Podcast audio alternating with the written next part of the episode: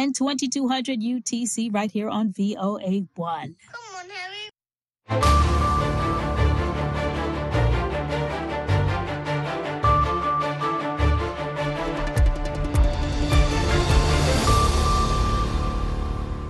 halkani waa washington laanta af soomaaliga ee v o a oo aad ka dhegeysanaysaan mawjadaha gaagaaban efemada geeska afrika iyo caalamka oo dhan oo aad nagala socotaan v o a somaly com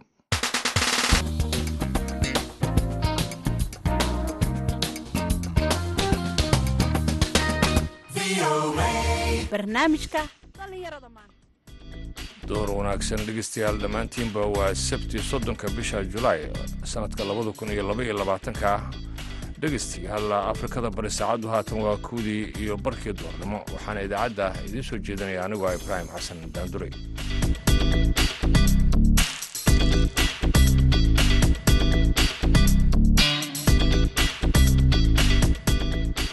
qodobada dhegeystayaal aad ku maqli doontaan barnaamijka duurnimo ee dhallinyarada maanta. Waxaa ka mid ah caqabadaha guurka.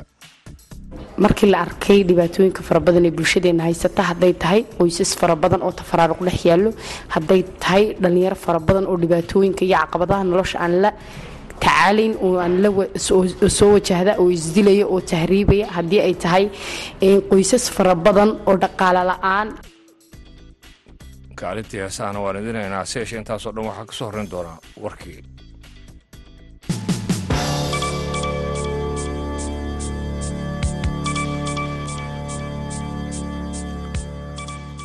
Ciidamada israa'iil ayaa rasaasa waxa ay ooda uga qaadeen dad falastiiniyiin ah oo ku mudaharaadayay daanta galbeed ee la haysto shalay waxaana ku dhintay wiil lix iyo toban jir ahaa.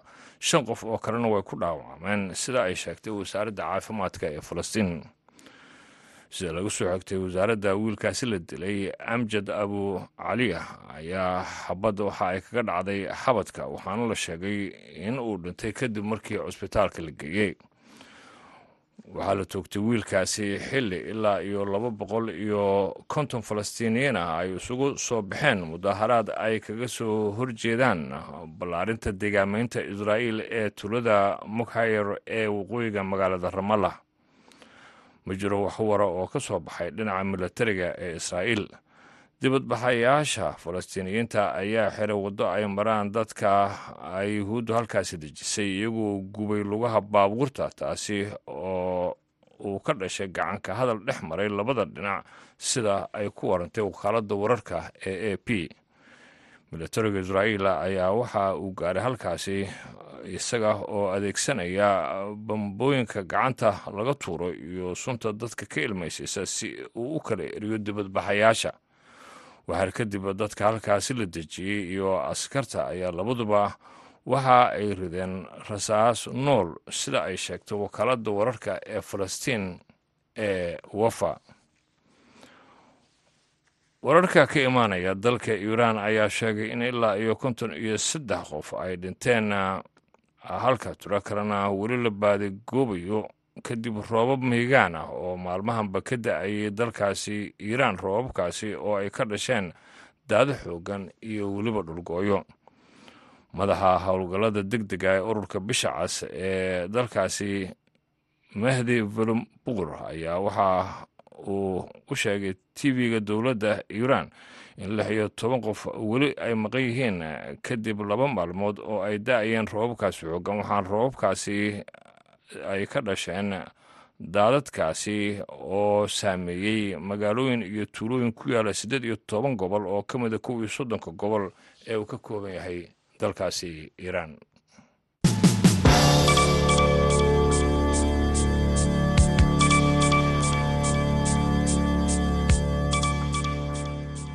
weli waxaad nagala socotaan dhegeystayaal barnaamijkeena duurum ee oo idinka ka imaanaya laanta af soomaaliga v o a washington haatana waxaad ku soo dhowaataan barnaamijka madasha dhalinyarada oon toddobaadkan ku eegayno dhibaatooyinka qoyska iyo sida xal loogu heli karayo khilaafaadkooda.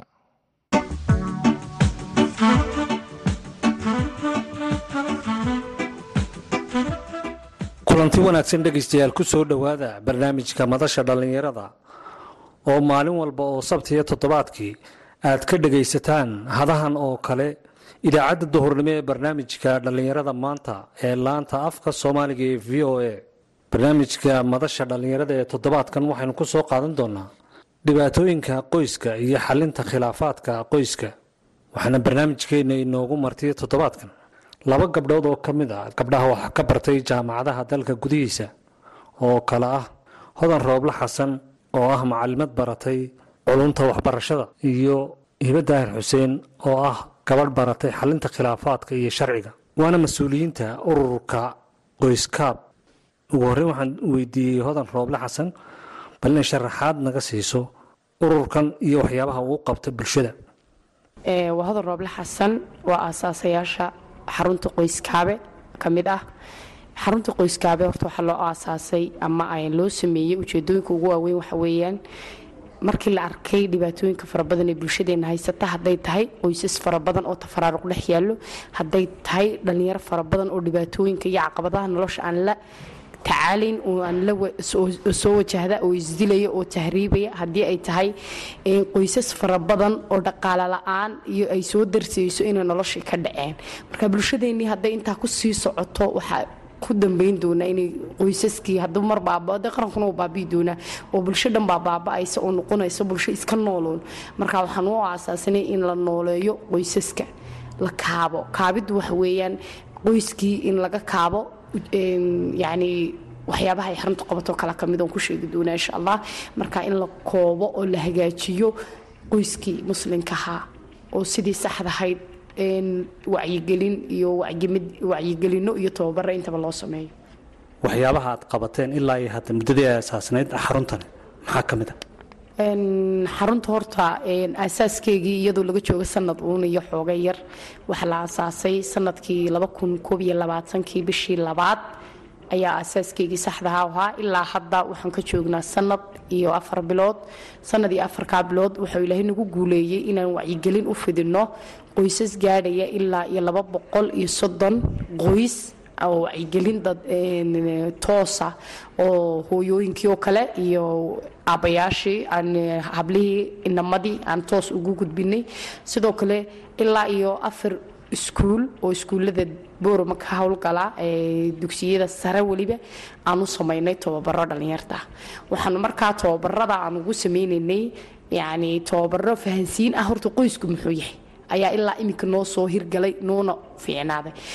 Tababaro gaara oo hooyooyin gaara ayaa sidoo kale noogu hirgalay ilaa shan iyo toban dumar ah oo si khaasa oo hooyooyinha oo aan tayeynayna ayaanu markaa u tababar u samaynay sida dhaqaala samaynta waxyaabaha xanuunada kala gudbaa sidoo kale waxaan u samaynay yani qoyskooga iyo ciyaalka tarbiyeyntooda ama siday u ilaalinayaan. Marka maasha allah guuluhu way iska farabadan wayna isdaba socdaan. Insha allah weli weli kowma joogna laakiin waxaan is leeyahay xaruntu waxay samaysay weli laba ilaa saddex beersantii. Hawshii ay ugu talagashay inay qabato. Waxyaabaha ad isleedihiin nolosha qoysaska waad ka bedeli kartaan xaruntiinan qoyskaabe. Marka aad talo iyo tababaro iyo waxyaaba noocaas aad siisaan maxaa ka mid a xarunta koleyba horta waxay u joogtaa afar qodob oo waaweyn. Ayay insha allah bulshadaan rajaynaynaa inay ka bedesho ama ay ka qabato. Xarunta kow waxay u joogtaa inay bixiso tababaro tababarada ay u bixin doonto afar geesood ama afar dhan ay u bixin doonto.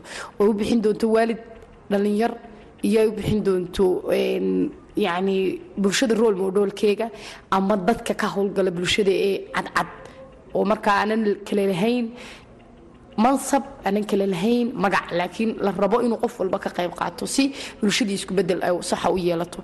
Waxay samaysaa la talin taasoo ah dadkii ay soo wajahaan caqabado weliba siiba dhallinyarta. In la talin ay u fidiso islaamahoo kale hooyooyinka cabanaya maadaama uu aasaasayaasha xarunta ay ka tahay walaalo oo ku soo takhasustay xalinta khilaafaadka qoysaska ay toos uga bixiyaan la talinta xarunta looga bixiyo oo lala taliyo qofka ka hor intuuna qaadan go'aan qoys burburoo kale ah inuu insha allah qoyskiisiisa inuu burburin lala taliyo. Mayana intuuna tallaabo isbeddel noloshiisa uuna kula kicin lala taliyo. Soo kale xaruntu waxay samaysaa tayeyn. Tayeyn oo ah qoyskii already iskaba jiray ee wanaagsanaa ama fiicnaa ee dhammaystirnaa ee maasha allah dhaqaale iyo isfahanba u dhammaystiran yahay in lagu tayeeyo halkaa ay taagan yihiin oo halkaa ku joogin. Laakiin la kobciyo oo reerihii fiicnaa aan fiicnidoodii xoojino. Soo kale xaruntu waxay samaysaa barashada xalinta khilaafaadka markaa marka la barayo xarinta khilaafaadka waxaa looga dan leeyahay dad fara baa xaalad cadho ku kala tega. Dad fara baa xaalad cadho isku dila. Dad fara baa xaalad qabatinwaa ama uu ay xamili waayeen. Nolosha iyo cidhiidhigeega ay waxay sameeyaan inay xaalado ka duwan ama dhibaato ka weyn ay geystaan. Marka waxaa la baraa oo rajaynaynaa inaanu insha allah ay ka hirgeli doonto dhammaan goboladeenoo dhan aan rajaynaynaa inay baran karaan qofku siduu cadhadiisa u ilaashan karo siduu isku adkayn karo siduu culayska iskaga khafiifin karo iyo siday cibaadadoodaba ugu wanaajin lahayeen inta badan qoysaska soomaalida iyo dhallinyarada dhibaatada ugu badan ee la soo darista waxaa ka mid a shaqola'aanta shaqola'aanta maxaad ka qaban kartaan waa su'aal muhiima oo weyn weliba oo runtii qodob ka mid a qodobada aan u aasaasayna rabna inuu qoyskiiska bedelo horta waxa weeyaan waxa isweydiin mudan xaruntan maxay talow kaa bedelaysaa inay qoys walba isweydiin karo. Waxaanu rabnaa mustaqbalka dhow. Waad arkaysaa dadka iminka waxay noqdeen dad fadhiya dad social mediagii ragaadiyey dad shaqala-aantii ragaadisay dad aaminaad ay aamineenba inayna ilaa la caawiyo mooyaane iyagu waxba noqon karin. Marka tababarada ugu badan ee siino waxaa ka mid ah say wax u qabsan lahaayeen xaqiiqatan waan u samaynay tababarada aan samaynay waxaa ka mid ahaa hablaha yaryar oo kale siday bal dhaqaale u samaysan lahaayeen. Inamadoo kale siday uga dhaqaaqi lahaayeen halkan. Ee maanta haddii uu waxaa la inoo keenay joogsado maxaad samayn kartiin? Inamow miyayna hadday isku tagaan waddooyinka samaysan karin? Miyayna hadday isku tagaan beera samaysan karin? Miyayna hadday isku tagaan biyo samaysan karin? Miyayna iyagu dabab dhalalin karin? Miyayna dhulka ka soo saaran karin macdintii waay bay u fadhiyaan? Marka dadka marka lagu baraarujiyo ee loo sameeyo waxaan rajaynaynaa tababarada aan u samayno inaan lagu sameeyaba oo radio soo sameeyaan. Maaha in loo dhigo uun sida iminka jaamacadaheena ka jirto. Waa ina dhallinyartii la kaxayn karo kooxo kooxahay soo samaynayaan wax ay ku heshiiyaan ama ay jecel yihiin oo iyagu rabaan inay samayn karaan. Nin walba marka uu ka midha dhalin kara gacmihiisa iyo awooddu ilaahay siiyo. Una la fadhiisan una dhiman dee beritwalana marka xaruntu waxay insha alla ka bedeli doontaa. Oo rajaynaynaa inaanu u keeni doono kuwa ku takhasusay. Marka naga caawin doono inay dhallinyartu qacmahooga wax ka qabtaan. Waxa ay ka qabtaanna lagaga iibsado dalka dhexdooda. Waxyaabaha aad tilmaamayso oo dhan wuxuu u baahan yahay dhaqaale. Yaa idin caawinaya xaruntiinnan qoyskaab ee arrimaha aad qabanaysaan. Kaalma idinka siinaya dhaqaale waa run horta su'aashaasi waa su'aashana hortaagan ama waaba caqabad weyn. Laakiin xaqiiqatan stil waxaanu samaynaa. Annagu intaasoo dhan wax lacaga cid kamanu qaadan xaqiiqatan weli dowladda ayaa mararka qaarkood aan dee daba orodnaynaa oo na leenahay burusyada loogu talagalay bulshada balbar naga siiyaay mar kale naga bixiyaay laakiin weli wax caddaana ma hayno laakiin rajaynaynaa inay ururo nagala soo qayb qaataan. Waan rajaynaynaa inay bulshaweynta nagala soo qayb qaadato soomaaliyeed ee jecel inay isbedelaan soomaalidu. Oo xaqiiqatan hadday intaasoo sanasa ay nagu soo dhaaftay dee waan jecelnahay inaanu sanadada dambe aynu adduunka ka qayb qaadano inaan dayaxa tegno waan rabnaa inay qoysaskeenu dhismaan qurux badnaadaan bulshadeenu caafimaad maskixiyan iyo caafimaad jir ahaaneedba helaan. Aad baanu jecelnahay. Marka cid kastoo nagala qayb qaadanaysa waan soo dhawaynaynaa nala dhisaysana waan soo dhawaynaynaa dadka xaruntan sameeyey qoyskaab intay ka kooban yihiin? Horta asaasayaasha ururka asalkiisii hore waa laba hablood. Waa walaala hibo waa garyaqaan hibo daayir xuseen iyo anigoo ah doctor hodan rooble xasan oo ka baxay farmasisti hibo waxay ka takhasustay markaygu hore waxay ka baxday shareecada lowga ama loo yaqaano sharciga jaamacadda camuud digriga master waxay ka qaadatay ela university oo xalinta khilaafaadka qoyska ah toos ayay u qaadatay. Anigu waxaan ka baxay markaygu ugu horreysay education. Educationkii waan ka ergadisrogto caafimaad baan wareegay. Waxaan ka baxay bachelor of pharmacy. Kadib mastertaydii waxaan ku baxay public health and nutrition. Runtii waxaanu iskugu kaay keenayna waa dan aan aragnay dhibaatada taagan. Labadayadaabaa horta aasaasayaasha saxda ah. Way jiraan dad nala howlgala oo nagala qayb qaata oo bulshada rol modelkeego dhan casharada way nala bixiyaan.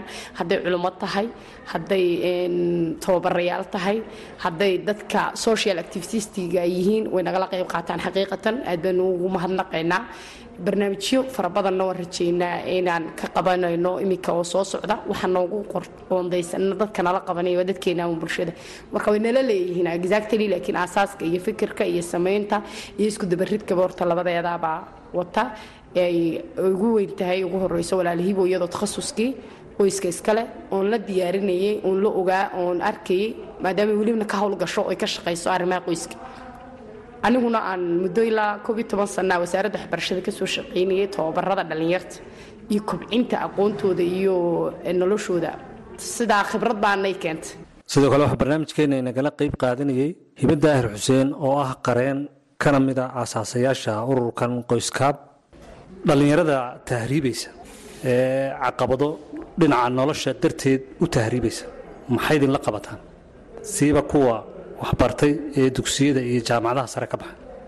Way jirtaa kuwaasi runtii waxaan siinaa wacyigelin qaar iskuulladan ku buuqanayba sekandariyada ka baxayoo kale.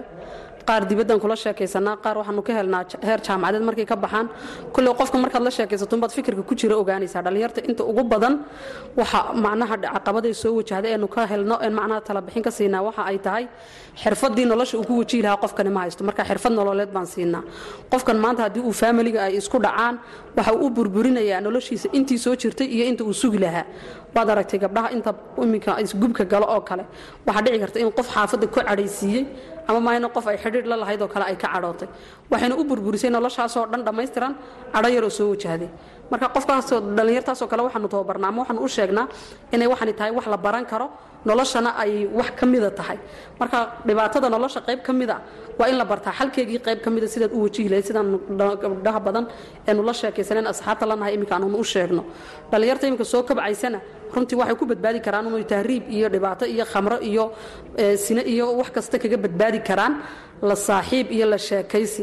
Marka aad qofka la saaxiibto eed la sheekaysateed la fadhiisato waxaad ogaanaysaa runtii waxa isaga maskaxdiisa ka dhex guuxaya. Kabacdigeenna markaasaad bedeli kartaa. Markaan dhallinyartaa la sheekaysano ayaan wixii markaa isbeddel ay u baahan yihiin maskax ahaaneed. Anu siinaa sidaasayna ku wajahaan tababar nololeed. Ayna nooga mahadnaqaan dhallinyar badanoo iminka nala soo xidhiidho yidhaahdaan runtii anagu in badan oon tala siinay ma xasuusan karno laakiin waxay yidhahdaan fikir nuucaasaad siisay dabeedna waan ku guulaystay alxamdulilah dhibaatooyinkaasi aad la kulantaan ma diiwaangelisaan faylka ma idinku jira. Kolley waa la diiwaangeliyaa caqabadaha ugu badan ee noloshuna waa wax soo noqnoqda. Un kolley maalin walba mashaakil cusubnimo soo wajaho laakiin wixii unbaa soo noqnoqda. Wixii maanta dhacay unbaa beri soo noqda. Sababta u soo noqnoqonaya nina waxa weeyaan in macnaha wixii maanta dhacay aanan laga daba tegin ama maxay ku dhacday aanan la isweydiinin kolley runtii waan diiwaangelinaa. Wax cusubna maaha waa wax soo noqnoqonaya. Daas way diiwaangelin badan ayna u baahnayn laakiin ay u baahan tahay uun ka hortag mushkiladan soo noqnoqonaysa. Maxaa lagaga hortagi karaa inaan la nimaadno? Haddaan su'aashaa ku sii darno waynoo diiwaangashay caqabadaha ugu badan. Waxaa ka mid ah caqabadaha ugu badan wayna caddaha guri walna way taallaa. Isfaham la'aan caqabadaha qoyska ugu badan istaakulayn la'aan isgargaar la'aan is-ixtiraam la'aan kala dambeyn la'aan. Yacni waxyaabaha ugu badanen aragna waxaa ka mid ah social mediai ama baraha bulshadii ayaa caqabadaha ugu waaweyn iyo soo daraashaa dhaqaalo la'aan ama dhaqaalo yari. Sidoo kale waxqabad la'aan. Isku fiirsad ama isxaasad wax loo yaqaano. Oo aad arkaysa dhallinyartii ama qoysaskiiba inay isku fiirsadaan. Mid walba kolley sharaxiisa dee xaruntaa loo soo doonane laakiin bal mawduuca guudumaa sheegana ama dhibaatooyinka yaalla shaqo la'aanta ka mid ah istaakulayn la'aanta ka mid ah waxa soo dheer oo intaasoo dhan dheer dowlad la'aanta oo number onka iyaduna oo de wax hagayaa ayna jirin ama hagid la'aan dadkii ay iska socdaan oo bila hagid la'aan waxaa ka sii weyn oo kale cibaado la'aan ama cibaado yari xaqiiqatan bulshadeenna iyo qoysaskeenna waxaan ku aragnay oon diiwaangelinay in cibaado yari badan ay soo wajahdo dhalinyar fara badan oon caawinay sidii walaala hibi ka dhawaajisay. Dhowr inan ayaa jiray oo ay wiilka yaraaye ay noo soo ka mid ahaayeen oo yani doonaya inay tahriibaan ama ay ka tegaan dhulkan. Oon ku nidhi bal at least waxaad samaysiin waxyaabaha loo yaqaano dhaqaale yar oo eh, samaysan gacantiina. Maxaad ku samayn kartiin? Dhowr meelood oonan lagaa garanin ka shaqee. Sida tusaale ahaan inaad guryaha qaarkood een, u soo ilaalisiin meelaha guryaha la dhisayo aad habeen waashmaan ka soo noqoto saddex aroorsa maya inaad soo maydhid ood dhowr qof baabuurtooda maydhistooda aad adu kontarooshid yani shaqada yarkeyga ka bilooba lacagtaa yar qaata insha allah wixii ay kaaga soo baxdo dadka sii iibi. Qaar baa qalimaan iibiyey een, inamo weliba arday jaamacaddan kula talinay. Waan ku nidhi bal at least ardayda ay qalimada iibsadaan idinku ka iibiya intaad ka soo iibsatiin yar dad saarta wax yar idinku ka iibsada. Runtii kuna guulaysta intaas waxaynu ku soo gunaanadaynaa kuna soo gebagabaynaynaa barnaamijkeennii madasha dhallinyarada ee toddobaadkan. Oo aynu ku soo qaadanay khilaafaadka qoyska iyo xalintiisa. Waxaana barnaamijka inoogu marti ahaa oo inagala qayb qaadanayey hodan rooble xasan oo ah macalimad baratay culunta waxbarashada iyo hibe daahir xuseen oo ah gabadh baratay xalinta khilaafaadka iyo sharciga. Barnaamijkan waxaa idinka soo diyaariyey magaalada boorama anigoo ah haashim sheekh cumar good. Tan iyo kulantideenna dambe dhegaystayaal waxaan idinkaga tegayaa sidaas iyo nabadgelyo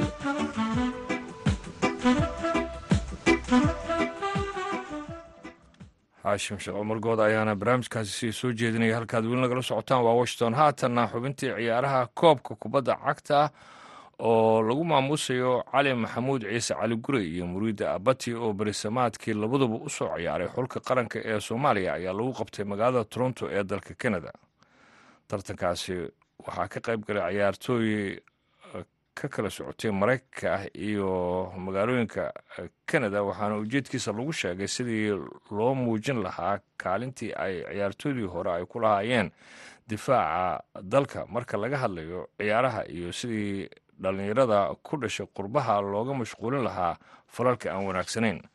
Haddaba wariyaha v o a ee kanada xuseen nuur xaaji ayaa cali guray oo reer kanada ah iyo muriida abati oo ka yimid boqortooyada ingiriiska wuxuu kula kulmay magaalada toronto waxaana uu ugu horreyn weydiiyey waxay uga dhigan tahay in lagu maamuuso tartankan. Bismi illaahi raxmaan iraxiim dadka oo haddan abaabuleen inay somali level legend award ay u sameeyaan waa arrin kale oo dhammaystir ah waxawaaye shaqooyinkii soo qabanay ilaa yaraanteennii xarfaddii ahaay ee annaka nagu maamuusayaan. Marka taas waxay ka dhigan tahay annakoo marxaladii hore annakoo teen ager ee ka soo gudubnay oo hadda annakoo waaweyn oo cayaartooyda cusub la tusaayo loo sheegayo inaan nin kastaba oo xarfad leh khibrad leh oo kubaddana meel fiican ka gaaro magaca leh in uu asagana saas loo loo munaasabeeyo waa arrin aad iyo aad oo macnaha dhallinyarada macnaha dhiirigelinayso. Taageerayaasheena waagii horena waxa waaye aadna u taageerayaan. Waa tahay macalin muridii soo dhowo waxay iga warantaa bal adna waxay kaaga dhigan tahay alxamdulilahi rabbilcaalamiin aniga iyo muriid abunuur ah iyo cali gurey nalagu maamusay maaragtii somalia living legend. Runtii wax fiican oo qurux badan ayay tahay. Waa waxaanan ku farxkadhayno ilaa alxamdulilahi rabbilcaalamiin farxaddan runtii muujinteedii iyo wanaageedii iyo sharafteedii dadkii maanta sabab u ahaa way muujiyeen wayna na tuseen. Yani maanta alxamdulilahi rabbilcaalamiin waa markii ugu horeyseen wadankan aan imaanayo canada runtii runtii waxaan dareemayaa oo aan runtii mar walba maskaxdeeda ee hadda wixii ka bacdina ku jiri doonto hadduu alla idmo inaan mar walba imaan doono hadduu alla idmo ilaahi subxaana wa tacaala waxaa jira dhallinyaro tartan ka qayb galaya oo magaciina cali gureey iyo muriida abati koob lagu maamuusaya cayaaraya. Dhallinyaradan waxaa laga yaabaa inaysan weligood maqlin ciyaartooy soomaali xul qaran u soo cayaaray iyo naadiyadii waaweynaa oo dalkan ku dhashay ama iyagoo yar la keenay. Ciyaartooydaas dhiirigelin noocee bay u noqon kartaa in ay arkaan in dalkoodii hooye asal ahaan ay ka soo jeedaan ay leeyihiin cayaartooy waaweyn amaba ay lahaayeen iyaga fariin noocee bay u diraysaa dhallinyarada halkan ku dhashay ama ku koray horta bismillahi raxmaan dhalinyarada inta ku gartay oo meel kasta ka wada imaadeen oo yurub iyo north america siba u s a iyo canadaba waxa waaye waxay tusaysaa in dhalinyarada aqoon ahaan iyaga waxay haystaan in cayaaraha oo yurub ka dhacayo cayaartooydooda oo yurubiyaanka macnaha ay ka arkaan meel kastaba laakiin weli iyaga weli ma arkin cayaartooy oo soomaali ah oo heer qaran ka gaaray oo xarfad leh. Marka taasaa waxay muujinaysaa inay iyaga aan tusno ama dadkii waxaan soo abaabulay ay rabaan inay gaarsiiyaan inay annaka nagu daydaan oo saan oo kale camal beri markay retire noqdaan inay saan isku bedelaan oo iyakana qaybtaas qaataan. Waa tahay kasokow in ilmahan dhiirigelina u tahay inay arkaan ciyaartooy hore oo soomaali ah oo la maamuusayo. Tan kale waxaa jirta oo dad badan ay aaminsan yihiin in tartamadan oo kale dhalinyarada laftooda lagu badbaadinayo si dhibaatooyinka dhalinyarada soomaalida dilalka ay ka mid yihiin muqaadaraadka iyo waxyaabaha wanaagsan ay ka mid yihiin looga soo leexinayo. Adigu ciyaartooy hore ahayd dhalinyarada aadaad ugu dhex jirtaa barnaamijyadooda aad ka shaqaysaa ku muuqataa midaas horta aad iyo aad ayaa waxaa iigu muuq aan dadka siiba brograamka abaabulaya aad iyo aad xooga u saareen in muhiimadda weynta ay tahay in ilmaha dhallinyarada la badbaadiyo. Sidii loo badbaadin lahay marka magaalada aan joogno waxaa ka jiri jiray wiig hal wiig oo ilmaha brograam loo dhigo hal wiilkaas ka bacdi marka ma jirin wax kale dhigaya haddan waxaa la keenay brograamkan oo somalia level legendka markau dhammaada asagana waxa weli samarkii waa sii jiraa. In haddana waqti kale sii dheerayo oo kuwo kale oo ka duwan oo lagu sii daro. Marka ilmaha badbaadada haddii aad fiirisid siiba magaaladan toronto ama canada ilmaha waa ogeed muddooyin dheer waxaa jiray ilmaha inay u dhintaan waxawaay dagaalamo dhexdooda ahay oo violence. Marka saas daraaddeed waxa waaye dadkii isboortiga ahay ee ku tashteen in ilmaha si loo badbaadiyo oo brograamo oo iyaka annagana aan fandiga iyo ganacsantayaasha iyo cayaartooyinkeena waaweynkana aan qayb ka noqono hooyooyinka qayb ka noqdaan. Ugu dambeyntii adoo iisoo koobaya ee murida abati waxaa iga warantaa ciyaartooydan waa u jeedaa xirfadooda waa daawanaysay qaabkay u cayaarayaan. Rajo intee leeg ayaa laga qabaa inay noqdaan kuwa qarankii matala ama u cayaara naadiyada ee ka dhisan dalalka ay ku nool yihiin bismillahi raxmaan raxiim horta ciyaalkaanitu waa ciyaal runtii farsamadoodii iyo banoonigooda aada u qurux badan. Hadday ay joogteeyaan ama ay sameeyaan maaragtay inay traininkadii ama horumarkii ay sii wadaan ilaa heer waxay gaari karaan inay ama naadiyada ay ka mid noqdaan ee torona ah ama meelaha adduunka ay ka joogaan ilaa heer qaranna ay gaari karaan intaasina dhegeystayaal waxaa ku dhan barnaamijkii ciyaaraha halkaad weyn lagala socotaan waa washington. Haatana xaggii muusiga ayaan jaleecaynaa. Waxaan idiin soo qabanaynaa heesta diiwaan iyo codkii maxamed cishqigu armuudii hal jacayl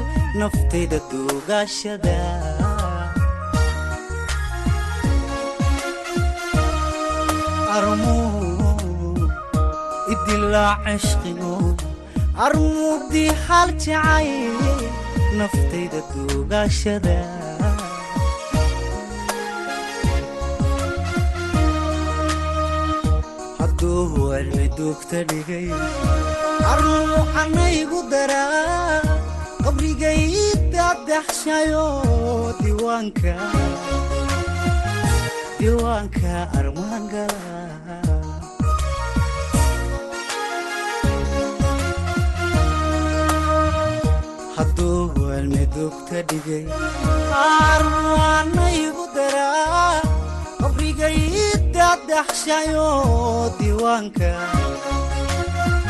Diiwaanka armaangala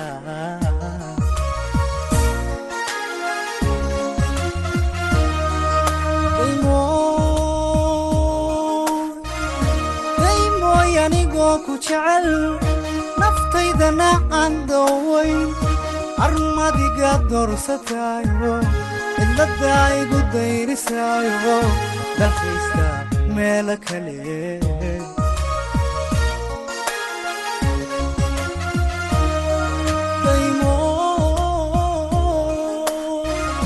daymooy anigoo ku jecel naftaydana aan dooway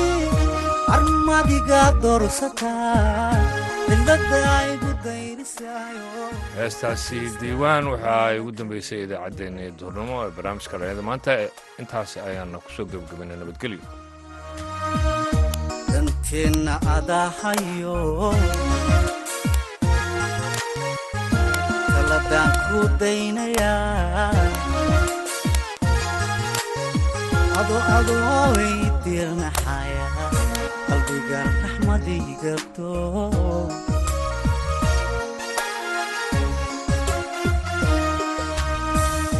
danteenna adahayo taladaan ku daynayaa